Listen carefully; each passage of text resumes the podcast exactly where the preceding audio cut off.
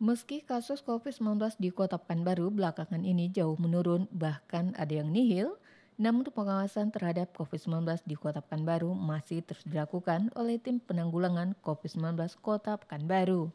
Sebagaimana halnya disampaikan Aslin 1 Sekda Pekanbaru Sofaizal.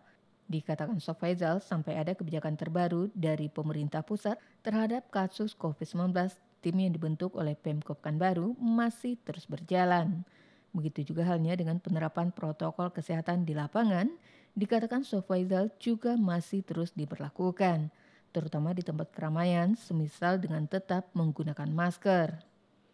Terkait untuk kegiatan vaksinasi COVID-19 sendiri, diungkapkan Sofaizal juga masih berjalan – hanya saja menjadi kendala saat ini di lapangan adalah minimnya masyarakat yang datang untuk divaksin.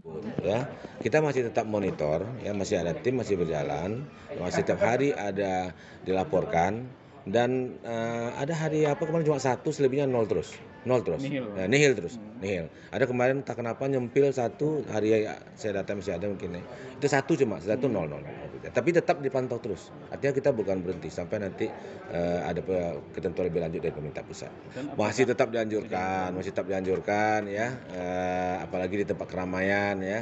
Saya pikir masih lanjut itu. Cuma persoalannya sekarang yang mungkin agak kesulitan mencari orang untuk mau divaksin kan. Hmm. Ada anekdot oleh kawan-kawan kemarin katanya lebih gampang cari orang sunat daripada orang vaksin. Desi Suryani itu meliputan Barabas Maporken.